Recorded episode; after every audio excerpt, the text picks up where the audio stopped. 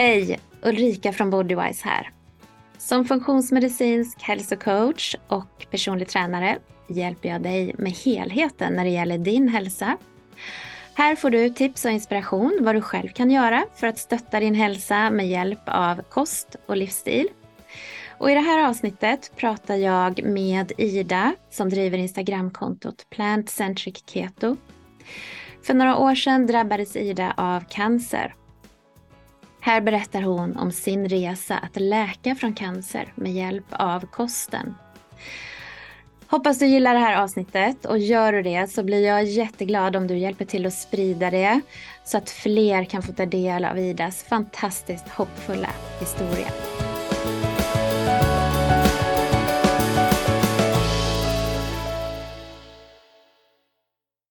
Hej och varmt välkommen Ida. Hej! Så himla kul att ha med dig och tusen tack för att du tar dig tid att vara med idag. Och idag ska ju du och jag prata om din egen hälsoresa att läka från cancer med hjälp av kosten. Så du kan väl börja med att berätta lite hur det gick till när du fick din diagnos. Absolut, jättekul att vara här. Ehm, det började december 2018 Eh, då var jag 35 år gammal och så hade jag eh, en, ett barn som var nyss fyllda två år och en sex månaders bebis. Ehm, och då tog jag och eh, fann i december att precis innan Lucia att jag hade förstorade lymfkörtlar i ljumsken. Jag kontaktade vårdcentralen och de sa att nej men det är nog ingenting att oroa sig för. Ehm, och det går nog över. Det, det kanske är någonting som, om det inte är en infektion någonstans, så då har de förstorat upp och det kommer nog lägga sig. Så vänta, efter, vänta över julhelgerna så får vi se hur det ser ut. Um, och ja, jag kunde inte helt släppa det här över julhelgerna. Och så kände jag ju också att det, det fortsätter växa, blir större. Um, och så hörde jag av mig igen i, i uh, januari så har de fortfarande, det är nog inte så mycket att oroa sig för, men kom, vi hittar en läkartid. Ja, det finns en i mitten av februari. Så det är ju som det kan vara, det tar sin tid alltihopa. Um, så då hade det gått två månader ungefär från att du kände det här då? Ja, men ja, innan läkarbesöket hade det det. Precis. Um, och sen då i mitten av februari, ja, läkaren tog och sa att ja, men troligtvis är det ingenting, utan det är någon infektion eller du har inget sår på benet. Sånt börjar de fråga efter.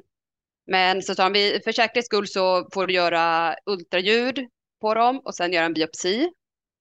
Um, så då blev jag skickad på det. För det. Och det är såklart att jag oroade mig för att det skulle vara någon form av cancer. Uh, det, det, är det man, många gör när man känner någon knöl uh, på kroppen. Um, Eh, och sen så fick jag, var det en väntan till att få svar på, dels få tid till biopsin och sen så få svar på den.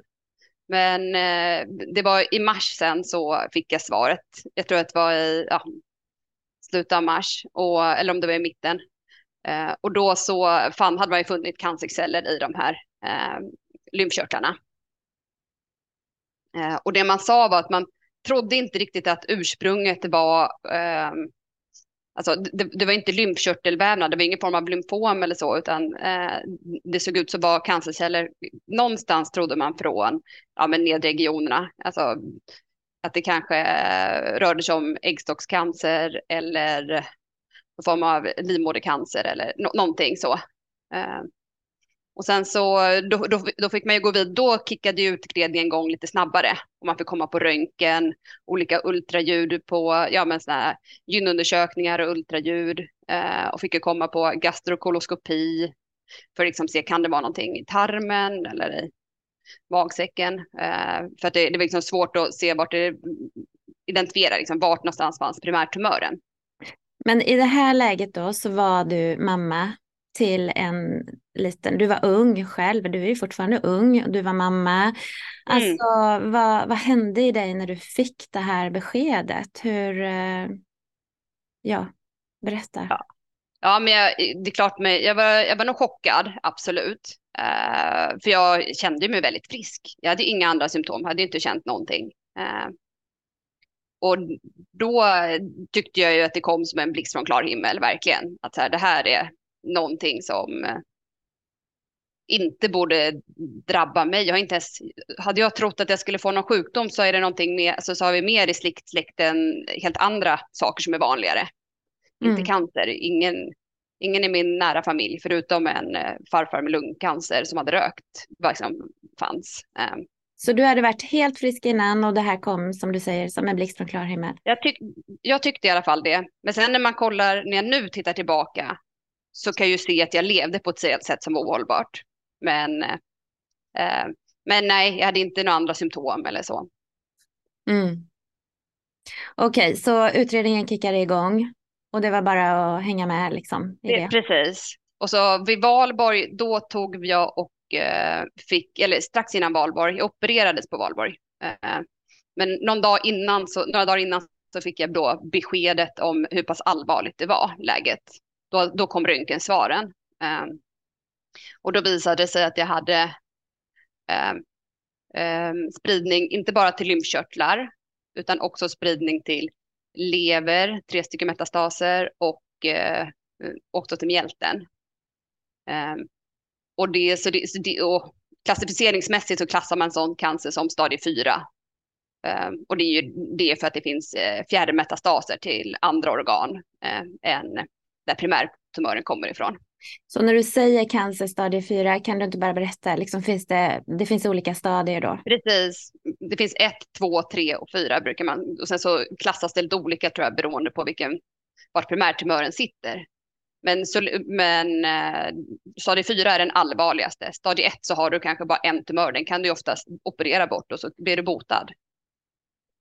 Men eh, har, den, har det bara spridit sig till närliggande vävnad eh, så klassas det så kanske som stadie 2. Och sen ju längre bort metastaserna sitter så eh, blir det stadie 3 och 4. Mm. Så när du fick reda på detta, vad, vad var prognosen? Ehm, det, inom svensk sjukvård så vill man inte prata så mycket prognos. De, det de sa var att det här är obotligt. Eh, du har en kronisk cancer. Men vi, vi ska försöka hålla den i schack så länge som möjligt. Eh, lite den formen av information. Eh, inte någon form av statistik att du kommer att eh, eh, eh, de flesta, eller så här många klarar sig i fem år. Ingen sån form av statistik av vården. Ehm, men eh, jag som ja, är lite medicinskt skolad eh, hade också svårt att inte gå in i kvalitetsregister och så och söka. Så jag sökte upp den statistiken själv. Eh, och, Vad kom du fram till då? Det, ja, precis. Eh, historiskt sett, eh, om, vid mitt diagnostillfälle, då hade de som blev insjuknade, eh, de, de, som hade över, eller när fem år hade gått så hade man ju kollat hur statistiken såg ut. och då eh, var femårsöverlevnaden för dem i stadie 3 eller stadie 4 eh, var mindre än, än, fem, eh, mindre än 20 procent. Så en på fem eh, klarar sig mm. över fem år. Mm. Jag är inte där vid fem år ännu, men jag har eh, bara ett år kvar, så jag hoppas, det tror jag verkligen, eh, med väldigt stor sannolikhet att jag är en av dem. Absolut. Mm.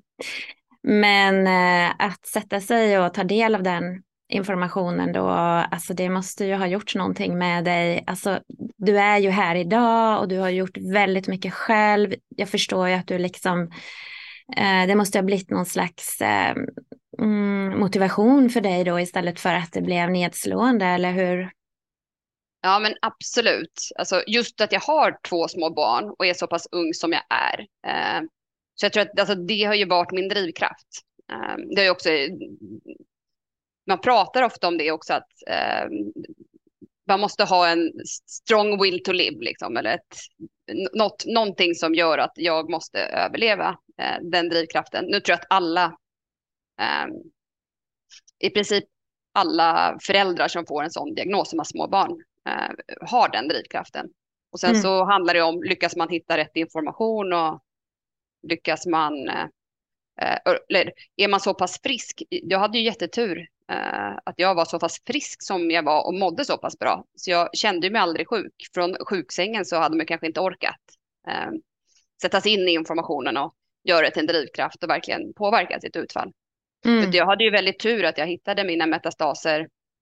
Nu, man kanske inte kan prata om tur i de här sammanhangen, men eh, ändå tur att jag hade metastaser som satt ute på kroppen som jag kunde känna. Eh, annars så hade det funnits, eh, jag kanske inte har sagt det, men det, de klassificer det här klassificeras som en form av äggstockscancer, den jag har. Eh, började en endometrioscysta, eh, tror man.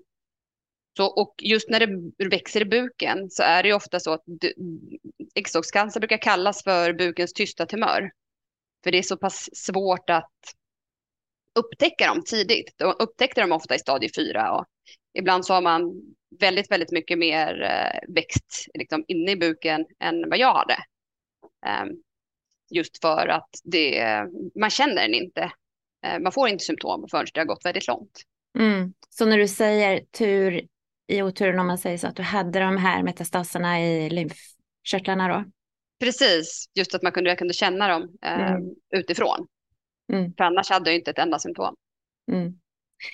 Men du, eh, hur kom du in på det här sen då med kosten? För du har ju gjort väldigt stora livsstilsförändringar, framförallt med kosten, men också på annat sätt. Och hur kom Absolut. du in på det här, liksom att eh, söka andra vägar? Alltså, jag har alltid var, haft ett visst hälsointresse.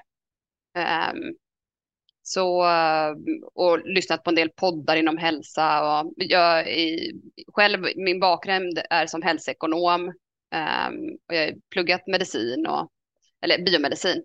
Uh, och haft ett intresse för nutrition. Så för mig var det, det var en av de sakerna som kändes lättast att påverka. Man har ju också hört, eh, innan jag fick, en, fick min cancerdiagnos, har man också hört talas om eh, vissa som har eh, överlevt eh, väldigt eh, eh svåra cancerdiagnoser och där man har fått eh, en prognos som, var, som har ja, klarat sig mycket bättre än den prognosen man fick.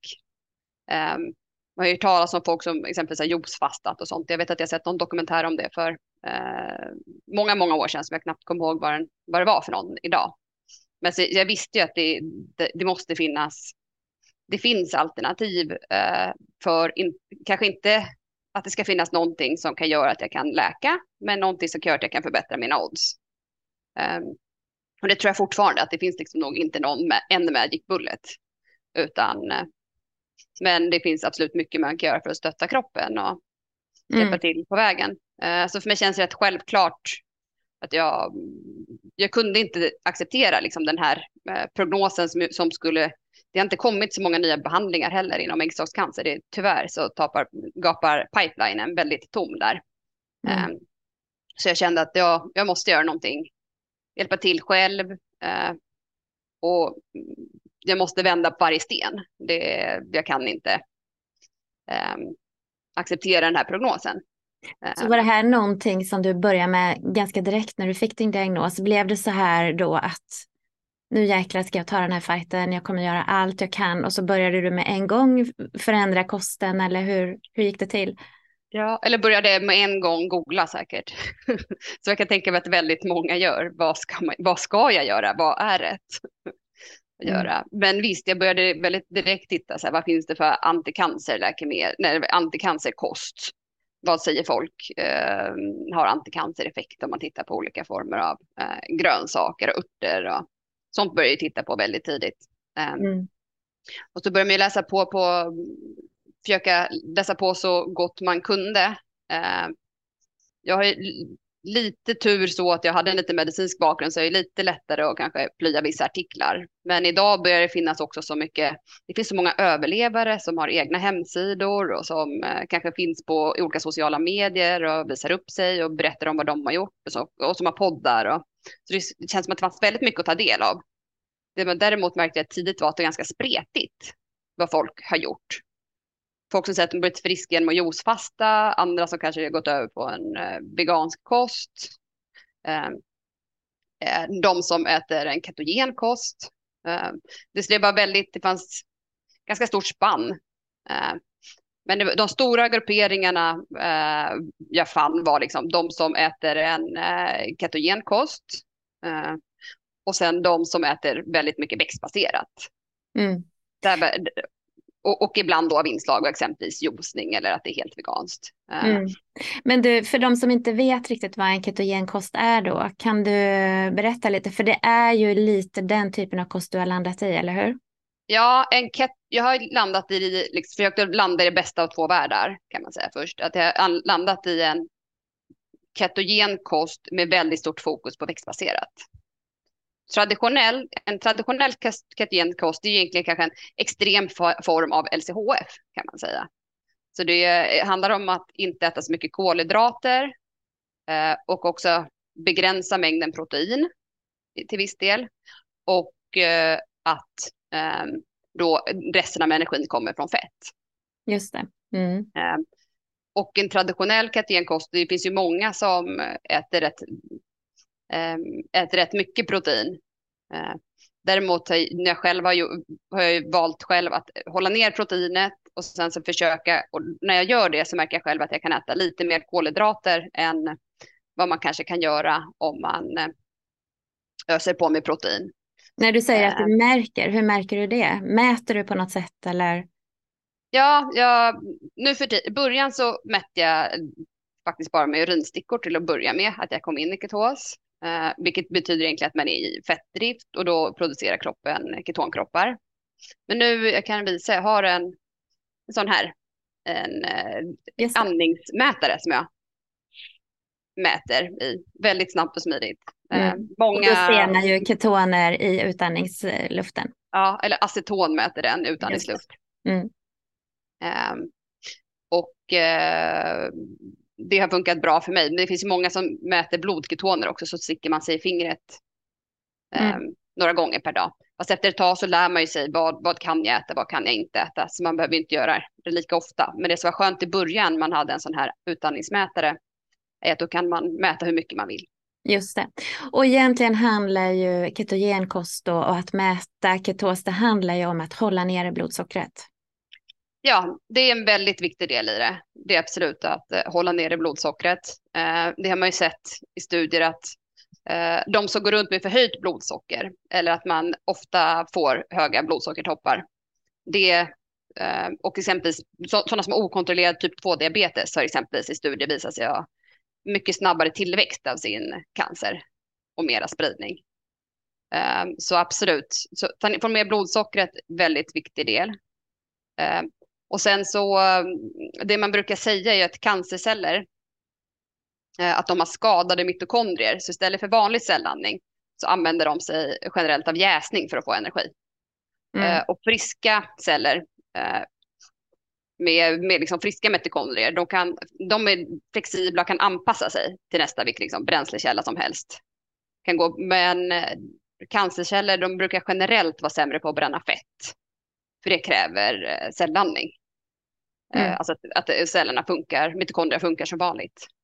Mm. Så på ett sätt kan ju det också, man brukar kalla det liksom för en av cancerns akilleshälar, liksom, att den inte kan bränna ketoner så effektivt.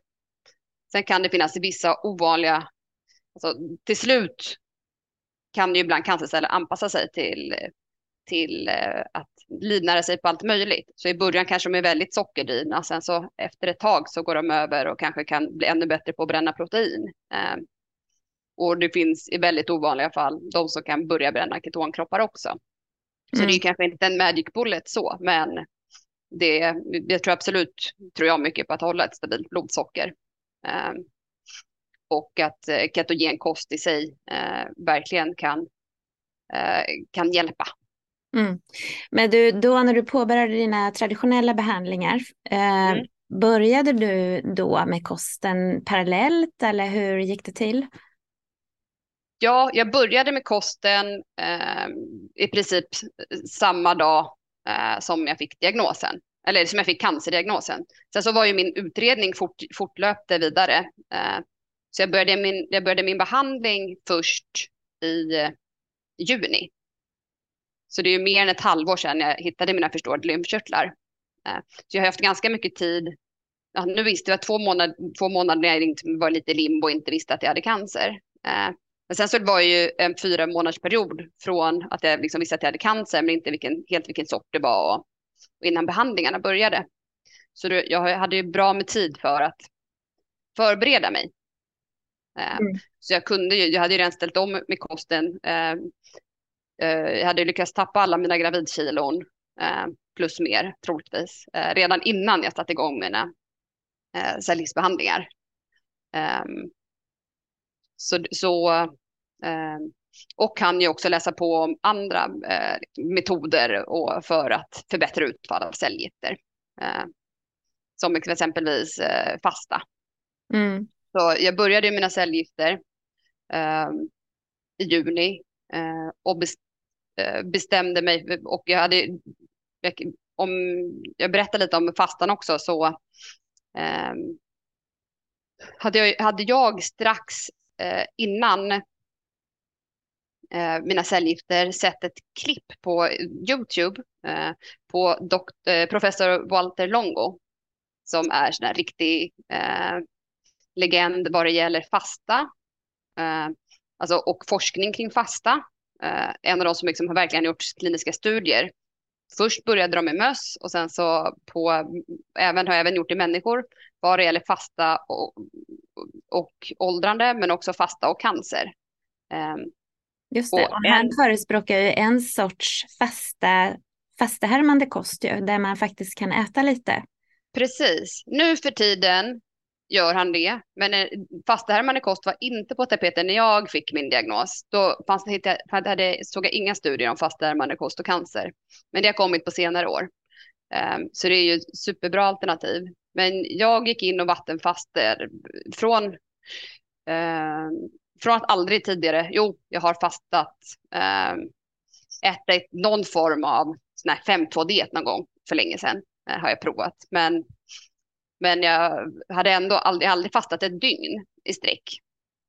Det hade jag aldrig provat. Så först, min första fasta gjorde jag inför mina första cellgifter. Um, och då fastade jag ja, men två, och halv, två och en halv dag tror jag fastade första gången. Um, och, Var du inte eh, orolig? Alltså här går du in och förändrar rätt mycket då. Nu har vi ju inte pratat riktigt om hur du levde innan och hur du åt innan. Nej. Kan du inte bara berätta lite kort om det? För eh, vattenfasta och dra ner på kolhydrater och sånt där. Det låter ju som att det var en ganska radikal förändring mot hur du levde innan då.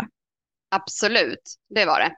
Uh, uh, och jag har väl levt jag, jag har, visst, jag har experimenterat lite med kosten vid tillfällen tidigare, men jag, sista året inför att jag blev sjuk så levde jag absolut på en blandkost. Um, men, eh, men har i perioder testat, eh, jag har använt exempelvis eh, LCHF tidigare som vikt för att liksom, normalisera min vikt efter graviditeter och även tidigare i livet för att gå ner i vikt. Ehm, så därför så kändes inte heller ketogen kost så svårt för mig. För att det, det var ett extremare variant av, um, av LCHF som jag hade testat tidigare. Så därför kändes det som att det blev helt okej för mig att göra. Jag har levt förut utan, utan bröd och socker. Och, så, så det var ingenting som jag tyckte verkade så svårt. Mm. Um, det som kanske var ännu svårare för mig var kanske att gå till så pass mycket växtbaserat som jag gjort. Eftersom jag tidigare när jag exempelvis de perioderna jag ätit mycket LCHF, då har man ju satsat mycket på att äta mycket kött och mycket protein. Um, och att hålla nere det var ju lite, det var ju för mig att börja upptäcka till viss del en del nya livsmedel uh, och nya sätt att äta. Mm. Så innan dess har du mer haft kosten som, alltså om, har du haft en eh, vanlig husmanskost i grunden kan man säga och sen så har du använt och LCHF i perioder och mm. ja. Det har jag. Sen så du har liksom inte uteslutit någonting, du har inkluderat allting i din kost tidigare? Det har jag.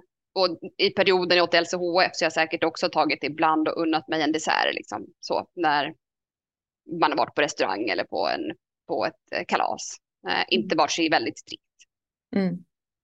Men nu då när du fick din diagnos, du förändrade kosten radikalt, du pratar om att du la in fasta också och speciellt i samband med dina behandlingar. Ja.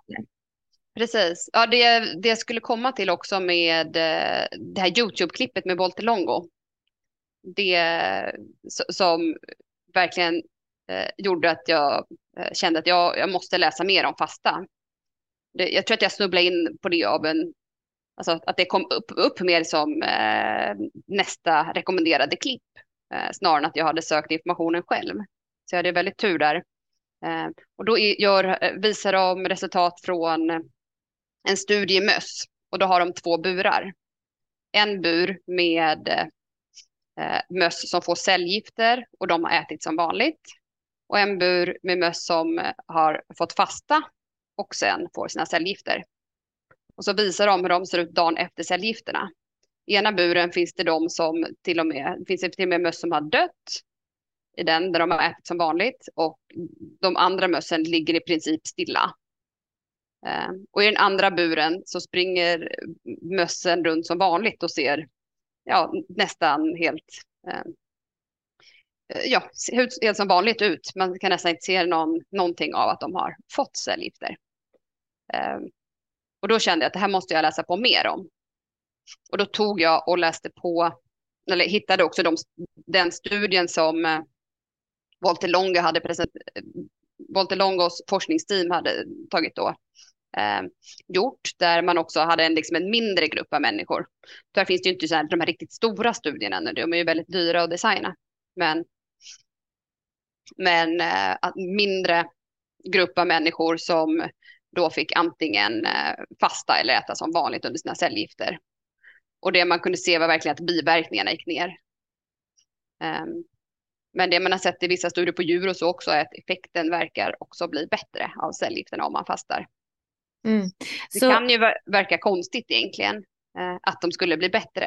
Eh, för man tänker att kroppen är försvagad och så. Men kroppens egna celler, de har liksom förmågan att kunna gå ner i någon form av viloläge när det är svält och fasta. De ska rädda sig.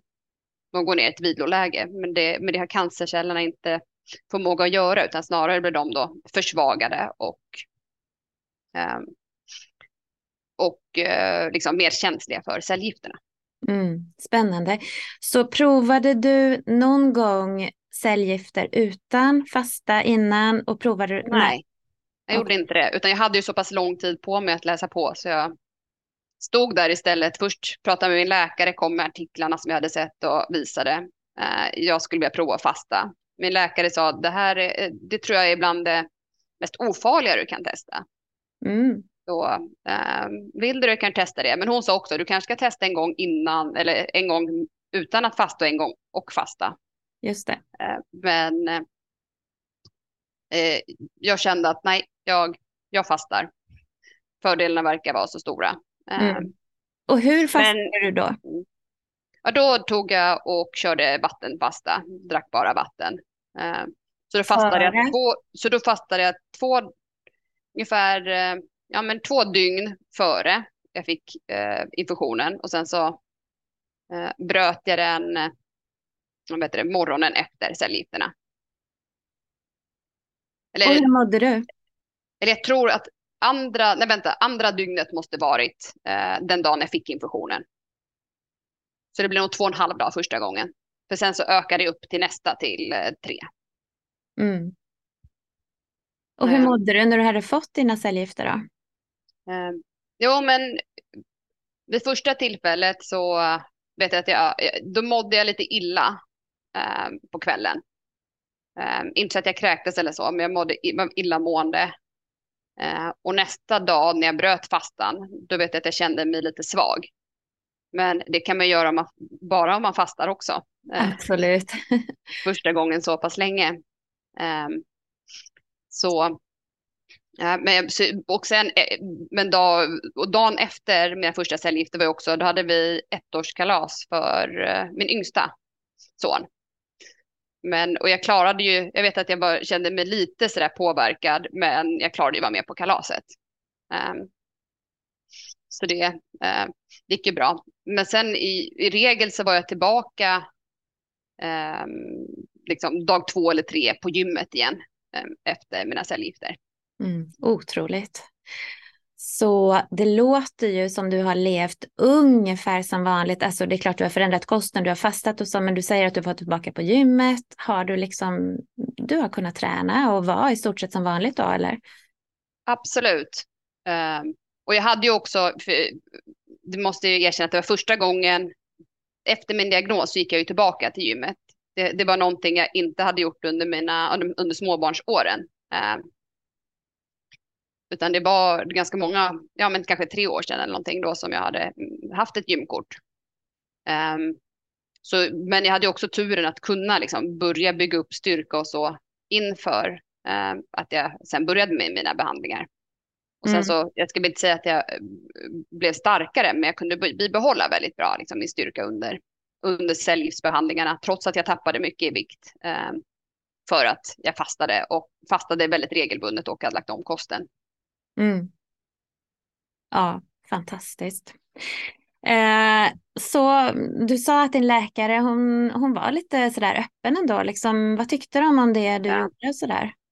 Ja, min läkare var nog, hon var rätt öppen för det. Men eh, däremot så för, första gången jag skulle få mina eh, cellgifter så då hade jag också tagit med mig mina artiklar. Hon fråg, då frågade sjuksköterskan om jag hade, om jag hade ätit då på morgonen och tagit mina mediciner som jag skulle och så. Eh, och då berättade jag för henne att jag fastade. Och hon blev ju inte glad. Eh, utan hon sa, nej du ska inte använda dig själv som en försökskanin och det här, nej, jag, måste, jag, jag ringer och pratar med din läkare, det här går inte för sig. Du måste äta någonting. Men jag, jag stod på mig och sa att nej, jag, jag äter sen och jag äter efter och jag mår bra. Nu kör vi. Men hon var inte glad för det. Men jag tror att hon ändå var rätt. Eh, sen när man träffade henne nästa vecka, och man sa, eller om, efter tre veckor, om man ska få nästa behandling, så var hon ju väldigt förvånad att det mådde så pass bra, hade, alltså hade klarat det så pass bra. Eh, så sen blev det faktiskt inte så mycket diskussion mer om det här med pastan. Mm. Men du, eh, hur lång tid tog det innan du började må bättre? Alltså hur många behandlingar fick du? Och, mm, för du sa att det här började runt valborg, eller? Runt, vid valborg så tog jag och eh, opererades. Alltså då fick jag en, hade en operation. Man kunde inte operera bort alla mina metastaser, men man kunde operera bort den här endometriossystan jag hade, där man tror att cancern har börjat. Eh, där det, den opererade man bort vid valborg. Och sen vid 5 eh, juni så började påbörjade jag mina cellgifter. Då fick jag första dosen. För däremellan var de tvungna att eh, fastställa precis vilken cancerform det var och hur cellerna såg ut innan man kunde påbörja cellgifterna. Så det var en liten ledtid däremellan. Mm. Eh, och sen fick jag sju omgångar. Vanligtvis brukar man få sex stycken. Det här är en, jag fick en kombination av två stycken cellgifter eh, Paclitaxel och eh, Carboplatin heter de. Eh, och vanligtvis får man sex rundor, men eh, jag kunde inte, mina levermetastaser satt så illa till så jag kunde inte opereras. Eh, för annars det man har som önskemål vid äggstockscancer det är att eh, få bort all synlig cancer genom kirurgi. Och sitter det runt omkring i buken och så och i bukhinnan då kan man ta bort, då kan man ta bort mycket. Men sådana som sitter så illa till som inne i levern och inne i organen. Mjälten kan man ju ta bort, den kan man ju leva utan. Men levern, eh, de gick verkligen inte att operera. Så då sa de nej, vi kör, provar att köra bara cellgifter. Sen kan vi se efter några omgångar om det är värt om, om det finns någonting kvar, exempelvis i lymfkörtlar eller någonting som man kan operera bort. Men jag svarade väldigt bra på behandlingen. Så jag eh, behövde aldrig opereras. Man såg liksom ingen cancer längre när mina cellgifter var klara. Mm, eh, fantastiskt. Mm. Så min sista dos cellgifter fick jag i eh, oktober, eh, tror jag det var, 2019. Då. Eh, så jag började i juni och så höll på till oktober med cellgifter. Och mm. därefter har jag fått en, fick jag en antikropp ett tag. Eh, ungefär ett halvår till som ska vara sådär kärlhämmande så att man inte så att cancer, cancertumörer tar ju och rekryterar blodkärl och då ska man se till att de inte riktigt, det ska, den ska göra att man inte då kan bilda blodkärl och strypa liksom näringstillförseln så sett till cancerna. Så det fick jag en period också. Men mådde du så här bra? Du sa ju det att du var tillbaka på gymmet två dagar efteråt din första behandling och så där. Mådde du så här bra under hela tiden då när du fick dina cellgifter? Det gjorde jag, men, men eh, jag vet att jag en gång, för jag, en gång gick mina, framåt slutet, om det kanske var sjätte kuren eller någonting, då gick mina eh, vita blodkroppar ner. Alltså, så jag hade, var infektionskänslig. Så då en gång fick jag en infektion. Eh, här, man, man kallar det för neutropenfeber. Att man, för att man inte har tillräckligt med vita blodkroppar så liksom kan be, besegra ens nästan sin egna eh, bakterier man har. Um, och då fick jag bli inlagd uh, över två nätter. Eller om det var en natt. Och, för då hade jag ju över 40 graders feber. Så då, då fick jag en inläggning. Uh, men i övrigt så mådde jag väldigt bra hela mm. tiden. Så tvivlar du någon gång på det här du gjorde, att det var rätt? Eller kände du nej men det här är rätt väg, jag mår så mycket bättre än andra. Eller hur, hur gick dina tankar? Nej, alltså jag trodde ju väldigt mycket på det jag gjorde. Alltså någon gång så visst så kan, kan, kände jag ju lite tvivel över så här, tänk om jag nu öser på med fett in i kosten och den här cancern liksom kan använda sig av fettet den tanken fick man ju ibland.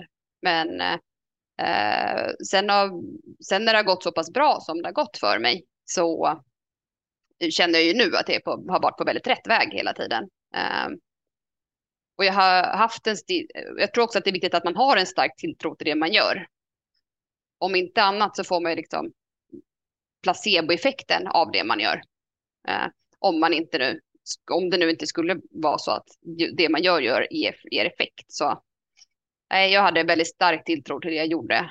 Um, men det är klart att man alltid får tvivel och försöker läsa på mer och mm. lära sig nya saker. Om inte annat så försöker jag liksom lägga till liksom, mer saker. Uh, och optimera annat än kosten. Just det. Men var du helt strikt med den här kosten du hade hittat då, ketogen, växtbaserad kost och vattenfasta. Var du liksom helt strikt under hela den här perioden? Ja, det var jag väl i princip. Eh, men men det, det, man kanske gjorde, det jag kanske inte var strikt med var att jag ibland, eh, alltså beroende på vad man är, vilka sammanhang man är i, så tog jag nog ibland och fick äta mer kött än det jag normalt gjorde. För att jag tänkte att det var viktigare. Eh, Eh, hålla ner kolhydraterna. Eh, så jag kanske satsade på att ta den stora, större köttbiten eh, för att jag skulle bli mätt när jag var ute på restaurang. Eller, så att man hittade andra vägar. Eh, men eh, så, så är vi ju inte 100% strikt hela tiden så på det sättet. Mm, men när du men, säger att du inte var 100% men, strikt, vilka avsteg var det? Det var att ta lite mer kött, det var liksom inte att äta en efterrätt eller så då? Nej, nej, det gjorde jag inte. Det, det gjorde jag faktiskt. Alltså, jag har ju ätit efterrätter, men då som man har gjort kanske själv och sötat med sötningsmedel, och stevia eller någonting. Det gjorde jag eh, absolut ibland. Eh, men det tyckte jag själv inte, det har jag nog inte tyckt att det riktigt var ett avsteg eh, från mitt vanliga protokoll, utan att det var någonting som eh, ingick lite i mitt protokoll eh, att kunna göra. Däremot att äta en riktig dessert med socker, det har jag gjort en gång eh, sen dess, på de här fyra åren.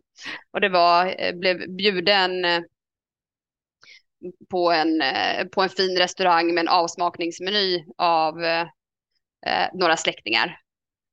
nu i samband med att jag och min man har fyllt 40. och då tog jag faktiskt och avslutade måltiden med, med att prova att äta lite av desserten. Mm. Så det var ganska nyligen? Det var, ja, det var precis. Det var några veckor sedan bara. Ja.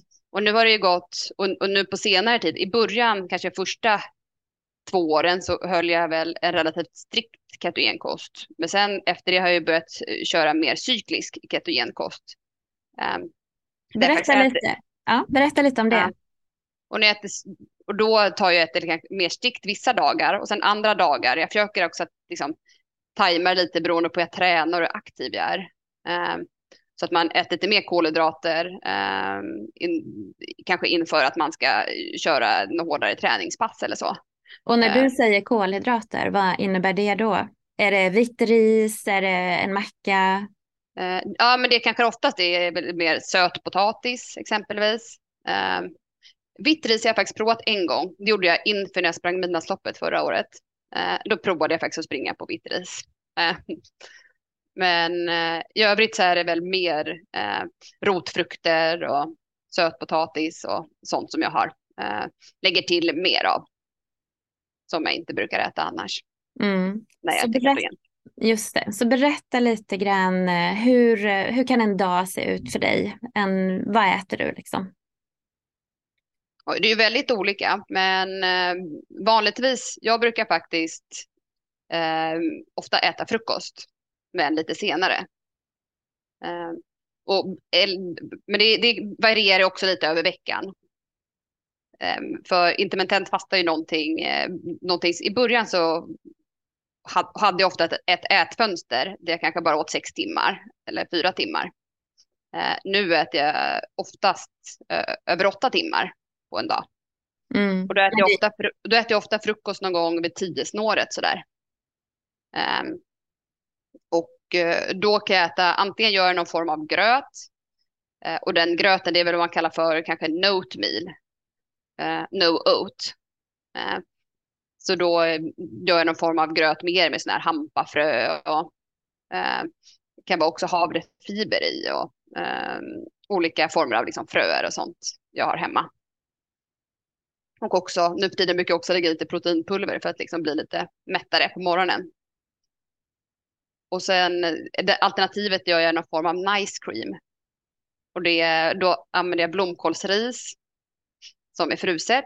Och så tar jag och blandar det med bär och kanske MCT-olja och så häller jag också i lite proteinpulver och kanske lite andra pulver som jag känner att det här eh, vill jag ändå få i mig. Ehm, och eh, mixar ihop till en form av glass. Ehm, Mm. och, också, och då kan jag också stöta med lite sån här grön stevia för, Mm. att, det, för att få det lite, eh, lite godare att äta. Ehm, så det, det är ofta frukost och lunch äter jag ofta en sallad. Då kanske jag äter den lite senare än vad man normalt brukar äta lunch. Ehm, och middag blir väl of, of, ofta också någon form av sallad. Men lägger, jag- om jag lägger till något protein eh, eh, på dagen, eh, utöver det så brukar det vara på kvällen. För att då liksom kunna matcha mer vad familjen äter också. Mm. Och när du säger sallad, då är det liksom inte tomat, gurka och isbergssallad. Eh, ni som Nej. lyssnar på det här, jag tycker ni ska gå in och titta på Idas jättefina Instagramkonto. Plant Centric Keto heter du ju. Ja. Och dina sallader, de är ju helt fantastiska. Ja, Där tack. försöker du ju maxa näring, eller hur? Maxa näring och försöka maxa antikancermat Eh, liksom i sig. Så mycket kol är det. Alltså alla former av kol. Eh, brysselkål, broccoli, eh, alla former, vitkål, rödkål. Eh, men också eh, och broccoligroddar, man inte glömma, för de är ju liksom bland det eh, absolut eh, mest näringstäta och också bäst anticancereffekt. Så mycket olika former av kolväxter. Eh, Äter jag. Eh, men, men, och sen också försöker få in liksom, lök och vitlök. Och, eh, men speciellt vitlök som liksom har god anticancereffekt och lite kolhydrater. Mycket gröna blad eh, Mm. eh, försöker jag få in. Och, men sen också eh, kanske lägga till bär eller någonting med mycket anti- antioxidanter. Och, men sen också försöka få in kanske lite frön eller nötter eller eh, någonting som ger lite växtbaserat protein också. Mm. Så du äter ju under, från klockan 10 till klockan 6 ungefär då på dagen? Ungefär, precis. Mm. Och så vattenfastar du och så kör du den här ganska strikta växtbaserade ketogena kosten. Alltså, eh, det låter ju säkert ganska extremt för människor som, alltså många är ju vana att käka frukost vid sju och så äter man middag vid sju och så tar man något litet kvällsnacks. Alltså att ha så lång, långt uppehåll mellan måltiderna, bara det kan ju vara svårt för många. Känner du liksom att eh, eh, längtar du efter en annan typ av livsstil eller hur, hur tänker du kring så som du lever nu? Nej, det gör jag nog inte. Eh, men, men jag försöker ibla, ibland så tar jag, och, alltså nu för tiden när jag har gått lite längre från eh, att jag haft aktiv cancer, så försöker jag ju ibland ta och mm, kanske med flit äta frukost tidigt eh, en dag på helgen. Alltså att, att inte kroppen helt vänjer sig vid precis samma sak varje dag. Ehm, ehm, och kan absolut ehm, unna mig att liksom äta tidigt och så. Men det jag aldrig gör, eh, det är att ha nattfasta som är mindre än 13 timmar. Mm. och måste nästan berätta om en studie uh, som uh, handlar om bröstcancerpatienter. Det, och det var liksom en, en studie där man gick tillbaka och tittade Eh, eller folk fick rapportera vad de hade ätit senaste åren och hur de hade ätit. Folk med bröstcancer då? folk som hade haft bröstcancer, precis. Mm. Och sen så tog, tog man eh, eh, och tittade också på vilka som fick återfall i sin bröstcancer för att liksom göra en studie på för att se liksom vad, vilken form av kost verkar vara gynnsam.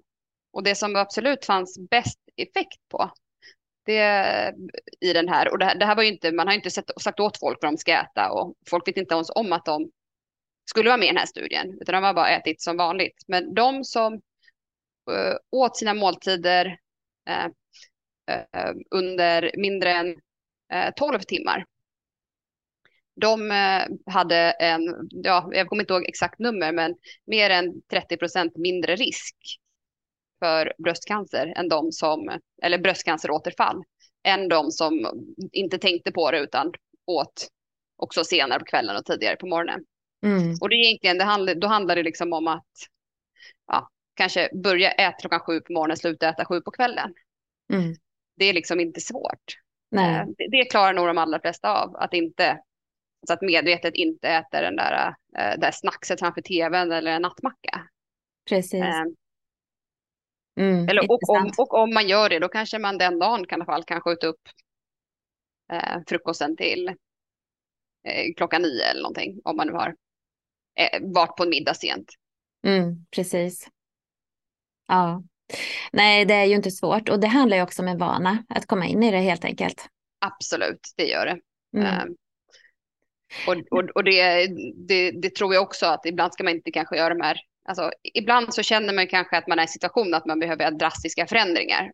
Som jag, som jag kände nu allvarligt i min diagnos. Men det man kan göra är att stegvis liksom, successivt eh, börja äta en frukost en halvtimme senare varje dag.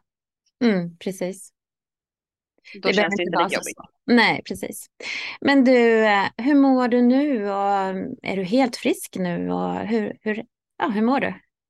Eh, jag kommer aldrig bli alltså, på pappret friskförklarad eh, med dagens behandlingsmetoder.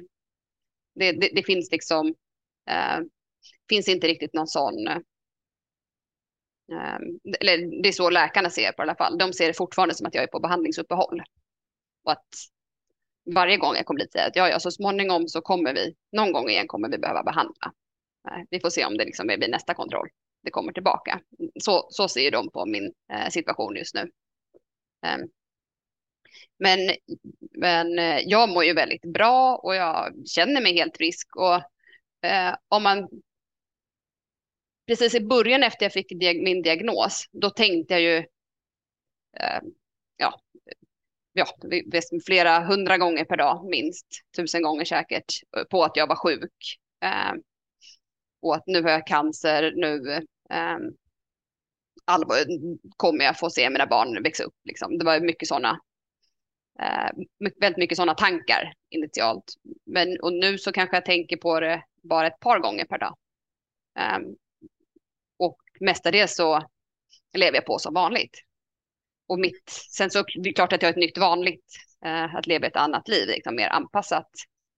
Där jag har liksom lagt om min livsstil och gjort sådana liksom, nya aktiva val. Men, eh, men känner mig väldigt frisk och fungerande och mår bra. Och, och när de eh, tar jobbar. prover och kollar, liksom, finns det spår av cancer då? Eller de, hur ser det ut? Hur ser dina prover ut?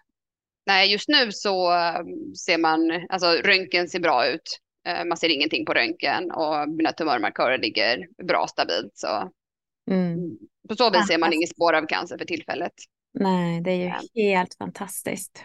underbart. Men du, eh, du har ju också gjort lite andra, du sa att du aktiverade ditt gymkort och sådär direkt när du fick den här diagnosen då. Du har ju också gjort lite andra livsstilsförändringar. Jag vet att naturen är väldigt viktig för dig. Absolut. Är det något annat sådär som du skulle säga parallellt med kost och fasta som har varit viktigt när det gäller din livsstil? Ja, alltså två av de absolut viktigaste sakerna för mig eh, har varit att optimera sömnen eller få bra sömn och eh, också eh, ja, minska min stress. Om, när jag själv ser tillbaka på hur jag levde innan eh, jag fick min cancer eh, så har jag nu insett hur pass ohållbar den situationen var. Mm. För om man tittar på våren, in, våren när jag själv tror att jag insjuknade, Eh, för då jag hittade i december, jag gissar att det kanske insjuknade på våren. Det kan ju ha pågått längre, det vet man inte. Men eh, i alla fall den våren, det var absolut en av de stressigaste perioderna i mitt liv. Då var jag dels var jag gravid med eh, mitt andra barn och så hade jag en, en ettåring hemma. Um, och eh, jag jobbade 100 procent. Men eh, ja, jobbade även mer än 100 procent för det var en väldigt stressig period på, på jobbet. Um, och jag har alltid varit rätt högpresterande på jobbet och tyckt att det varit viktigt liksom att allting, göra allt i tid, allting ska bli um, perfekt. Eh, och liksom haft eh, ganska hårda krav på mig själv så, på hur jag ska prestera på jobbet. Och då, det var en period när jag hade kollegor som hade sagt upp sig, så jag fick ta över eh, kanske mer än det jag skulle um, ha gjort egentligen. Och, och samtidigt som jag hade den här belastningen på jobbet och sen så två små barn så tog vi också, hade köpt ett nytt hus och det var full renovering på eh, tre våningsplan i princip samtidigt. Eh, så det var riktigt, riktigt så eh, kaosartat. Jag var bara så jag ska bara överleva fram till föräldraledigheten sen. Mm. Då får jag, och, så hoppas att renoveringen ska vara klar innan barnet kom också, eller innan andra barnet kom. Mm. Um, så jag hade ju ständig stress eh, och sov extremt dåligt. Många gånger så skulle man hämta tidigt på förskolan.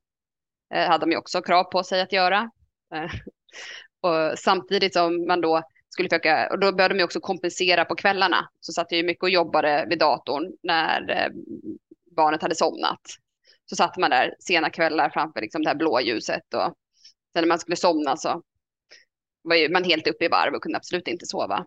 Nej. Och sen när man väl, eh, när man väl lyckades somna till slut så eh, var det också eh, dels höggravid och sen så hade ett litet barn i sängen.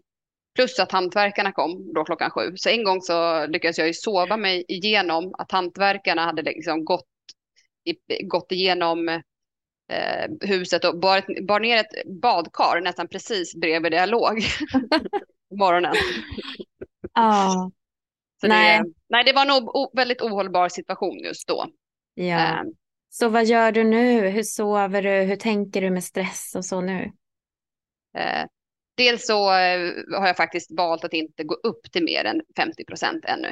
Uh, jag, jag, skulle nog klara av det fysiskt, men jag vet att jag har de tendenserna också. Att om jag väl går upp till 75 procent så blir det nära 100 och så um, mm. jobbar jag på, eh, kommer jag jobba på ändå. Eh, men jag har nu, så, så, jag har ju fått ta hjälp av arbetsterapeut och sånt också för att liksom lägga upp arbetet på ett bättre sätt. Eh, men jag har väl också gjort en mental, alltså ändrat min mentala inställning att jobbet inte är lika viktigt. Och, alltså, och lärt mig kanske att säga nej och inte ta på mig mer än jag klarar av och blivit mer bättre på att sätta liksom, personliga gränser kring vad är mitt arbete och vad är eh, inte det. Just när man har de här jobben, man kan jobba hemma, eh, så kan det ju ibland vara svårt, liksom, var, eh, hur man jobbar. Så det har ju varit en viktig del i det. Eh, mm. Men sen har jag jobbat mycket med, med sömnen, sådär, att jag går ut på, det ska gå ut på mina dagliga morgonpromenader för att få lite lugn och ro och lite sol på mig på morgonen. Eh, och det gör ju, alltså, dels för att få ner stress eh, och så också, men även för att jag tror att det är bra för min sömn, att liksom få dagsljus tid, dagsljus tid på morgonen. Eh, och på kvällarna så tar vi, släcker ner mycket hemma.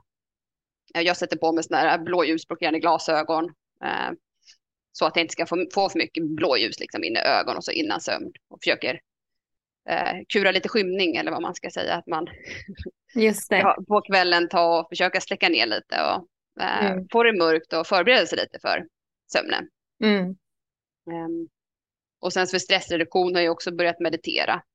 Um, och det tror jag också har varit ett väldigt viktigt verktyg för mig liksom, för att eh, minska stressen. Eh, och också ett viktigt för att visualisera eh, vad, alltså visualisera mig frisk. Och jag har ju läst böcker så som eh, uh, bättre, Joe Dispenza, en, en bok som heter You are the placebo. Om att liksom, hur man kan tänka sig frisk och mycket hur den mentala inställningen också påverkar. Ehm, så jag har ju tidigare för när jag började meditera så har jag också mediterat min mediterat eh, och visualiserat liksom min 40-årsdag. Så det känns jättebra att jag nu har nått den. Eh, och i höstas också en sak som jag i början efter min diagnos visualiserade många gånger och har tänkt på mycket är att få vinka av min eh, största, största barn när han börjar skolan.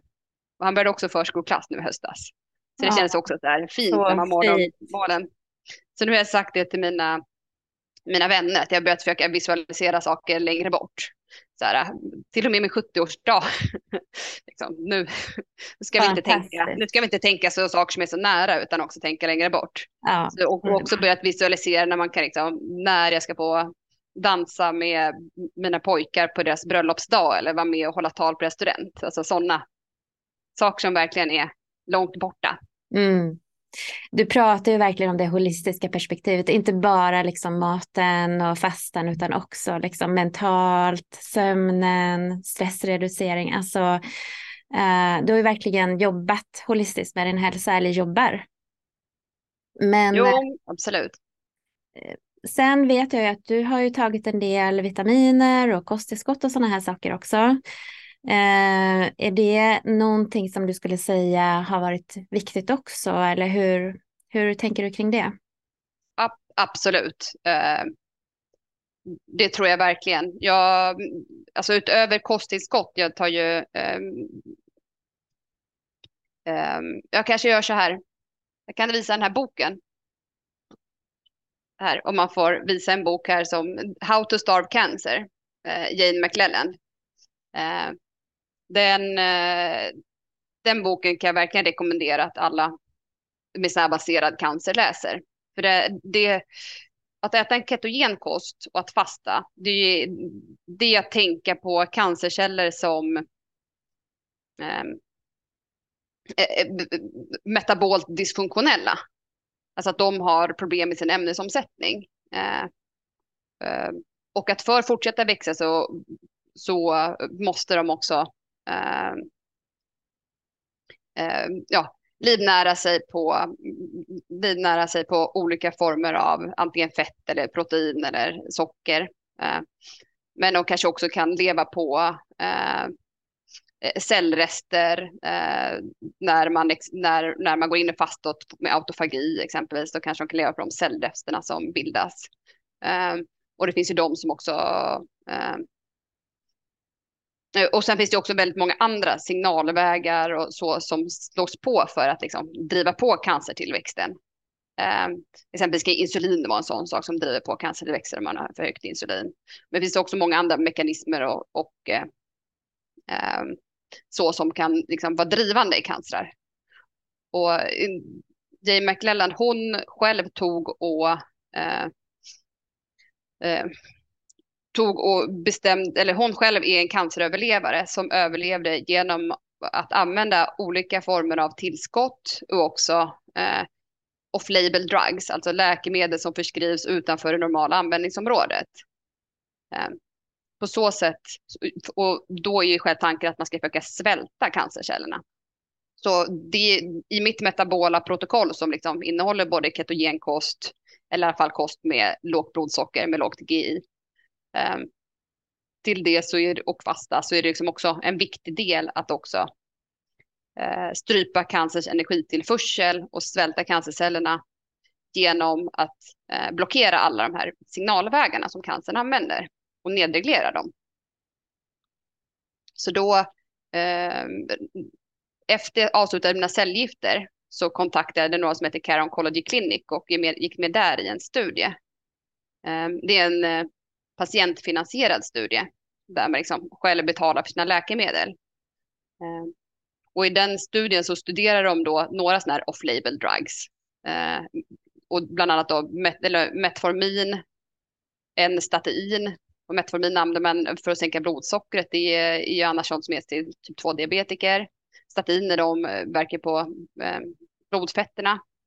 Och sen har de eh, tre stycken till eh, läkemedel som ingår i deras protokoll. En antiinflammatoriskt läkemedel, ett antibiotika och ett antiparasitmedel. Eh, och de i kombination har man sett eh, också kan vara liksom behjälpliga vid cancer. Mm. Så, så, då de, gick du på det här protokollet då? Precis, de har ju, och jag har fortfarande kvar min eh, läkare i England som då förskriver recept till mig. så vi hörs en gång i kvartalet. och så får jag ett nytt recept och han kan också rådge om det skulle hända något, om han märker att tumörmarkörer går upp av någon anledning och så, då kan de öka det protokollet. Mm. Och för att liksom göra det mer komplett så har jag väldigt många tillskott som jag tar för att liksom blocka alla viktiga signalvägar och också liksom eh, vägar för att, för att eh, stoppa liksom energitillförseln eh, till cancercellerna. Eh, mm. Så ja, jag, jag kan visa också. Så, här, två, två sådana här har jag som jag tar. Det här är en vecka, veckas eh, tillskott och mediciner. Och för folk som lyssnar på det här nu då, som inte tittar, så håller ju du just nu upp ja. två stora dosetter.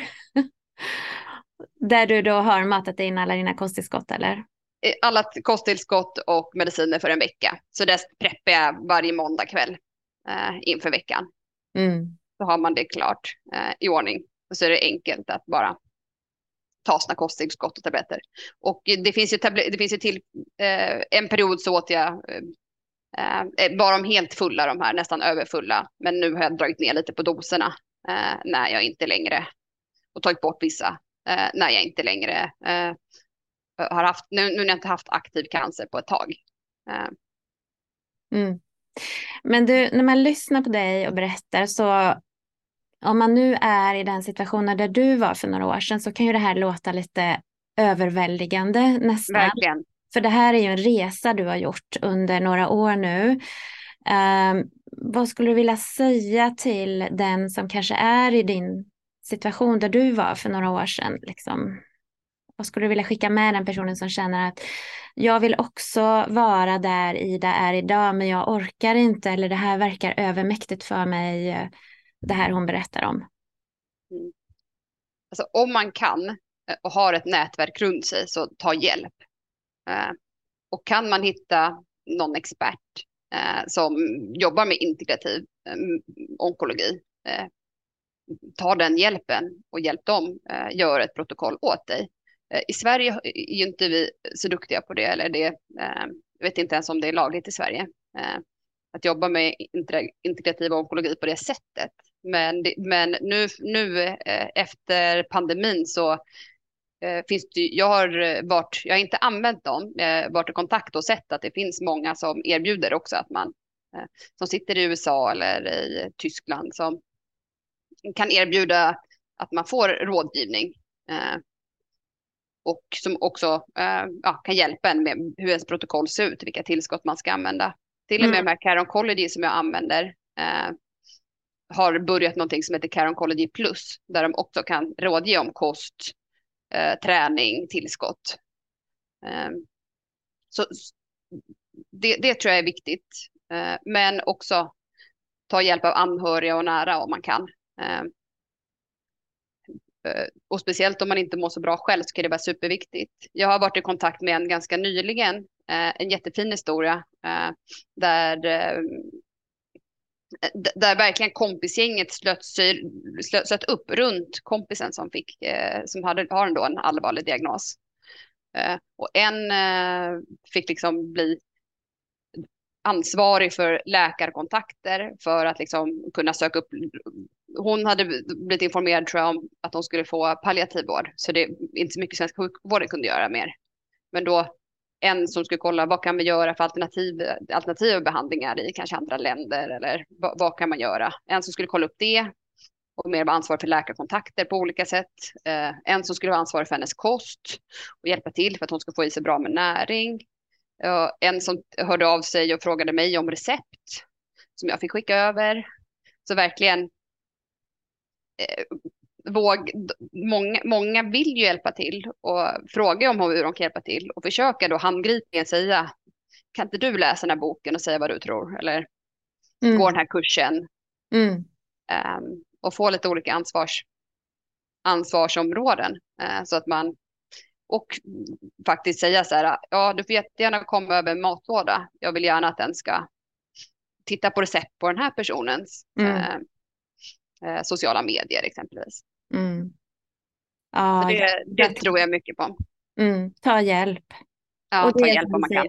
Folk vill ju gärna hjälpa, men ofta ja. när man är runt omkring så känner man sig helt maktlös. Så det kanske till och med är väldigt skönt för människor att få göra någonting handgripligen. Absolut.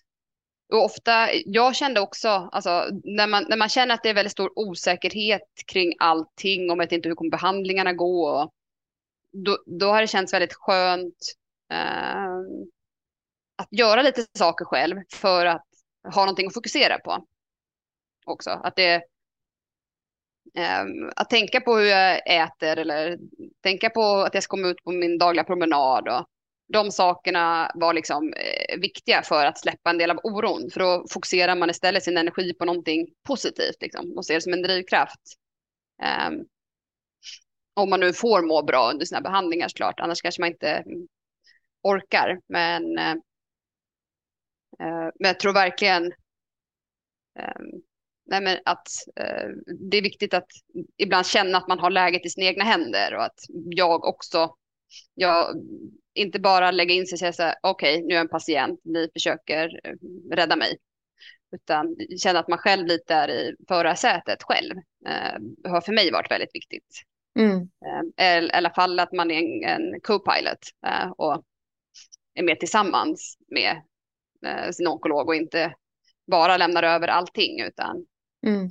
Eh, och jag tror att det faktiskt är många som gör det. Alltså, jag tror att det är vanligt att man frågar sin läkare om alltså, vad kan jag göra själv, vad kan jag göra någonting.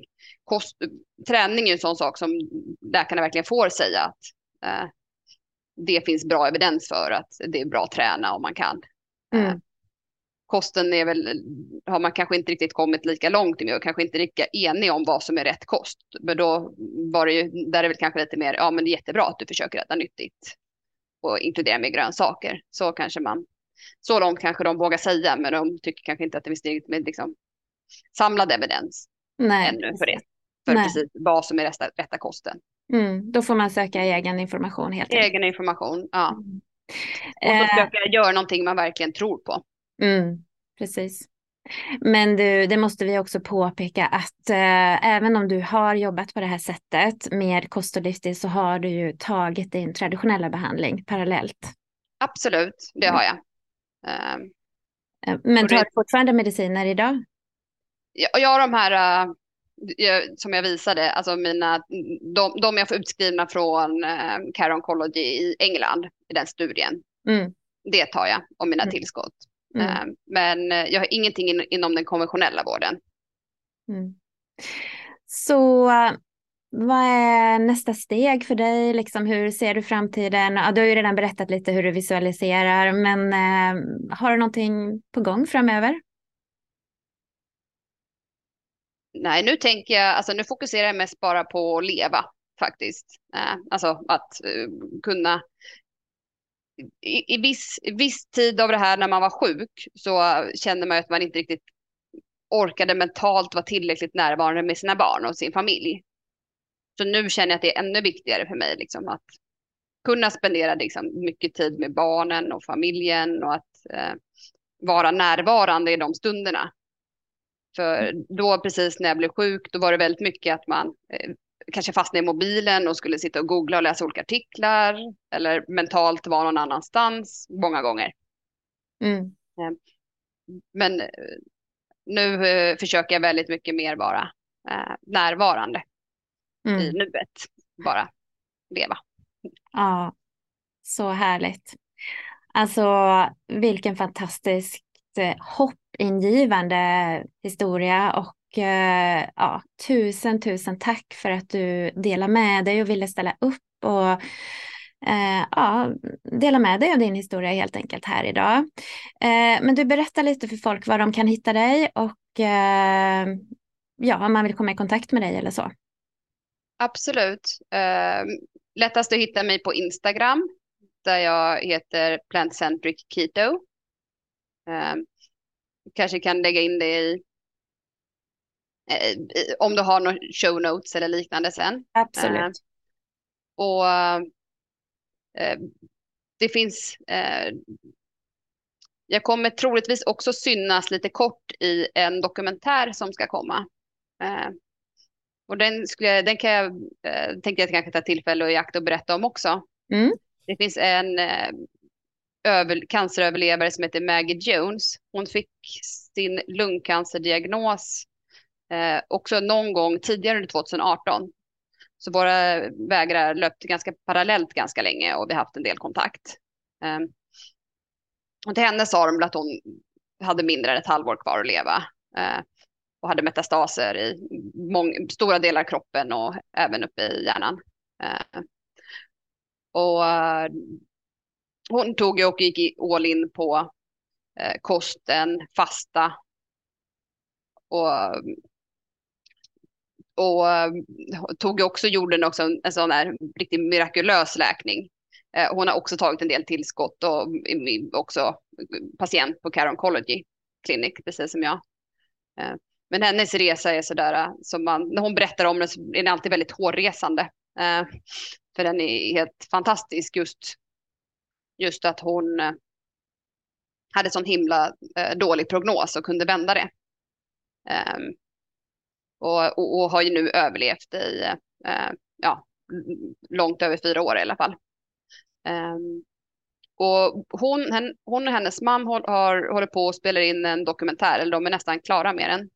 Där de då intervjuar eh, alla eh, experter liksom på eh, fasta, ketogen kost, kanske eh, växtbaserad kost för cancer. Allt det som hon känner varit behjälpligt i hennes resa.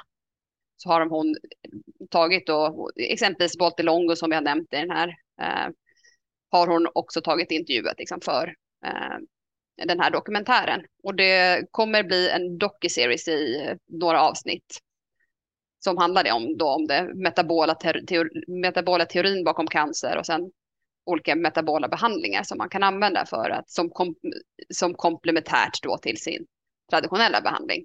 Mm, eh. spännande. Och var kommer man kunna se den? Um, det vet jag inte riktigt än, men uh, man får hålla utkik i din... Man får hålla utkik i mitt flöde. Ja. Uh, och det finns redan nu, om man frågar mig, så finns det liksom, länkar till själva projektet. Så man kan vara med och stötta projektet också om man vill. Mm, ehm, spännande. Och där kommer jag troligtvis dyka upp som en, hon har också haft en del survivor, survival stories. Uh, de har också börjat komma redan på YouTube och så, man har börjat släppa dem. Uh, och som ska vara med senare i dokumentären. Mm. Um, och där jag är en av uh, väldigt många. Så vill man gå in så har hon också um, en Eh, dels en hemsida men sen också en YouTube-kanal, eh, Cancer versus, versus Me, eh, där hon släpper många sådana här filmklipp. Så tycker man att det är inspirerande eh, att se andra överlevare, hur de, hur, hur de har gjort och vad de har gjort så för att eh, läka från sin cancer, eller i alla fall förbättra sina odds, eh, så kan man liksom få inspiration där. Mm. Men jag tror att den här dokuserien, den är verkligen skriven för att folk som inte riktigt orkar göra all research själva så är det där kanske ett bra, ett bra sätt att få liksom det kondenserat i en eh, på ett sätt så att man inte behöver gå in och läsa artiklar eller utan det, det gör en ganska bra överblick mm. eh, är tanken. Och mm. själva det här projektet, när filmen heter Cancer Evolution, om man vill söka på det. Mm. Ja, det låter ju fantastiskt. Och sen måste jag ju än en gång tipsa om ditt flöde då, som är helt fantastiskt, där du lägger upp så fina bilder på din mat, mycket olika färger, mycket olika grönsaker. Man kan ju få fantastiska tips. Även om man alltså inte har en cancerdiagnos eller så, så är det ju fantastiska tips på sallader, tillbehör, dressingar, allt möjligt. Och det är ju då plant-centric keto. Ja. Vi skriver med det här i länken också. Ja, men tack. Det, för det, det, jag tror också det att bara man vill äta lite mer växtbaserat och så är det ett intressant konto att spana in. Absolut. Ja, tusen tack Ida och vi är så himla glada allihopa som tittar och lyssnar på det här att du är här idag så frisk och stark och sprudlande, full av energi och full av tillförsikt inför framtiden. Och eh, tusen tack än en gång för att du ville dela med dig och eh, ge lite hopp och inspiration till andra som eh, kanske är i din situation nu då. Mm. Ja, tack så mycket själv för att jag fick vara med. Väldigt trevligt.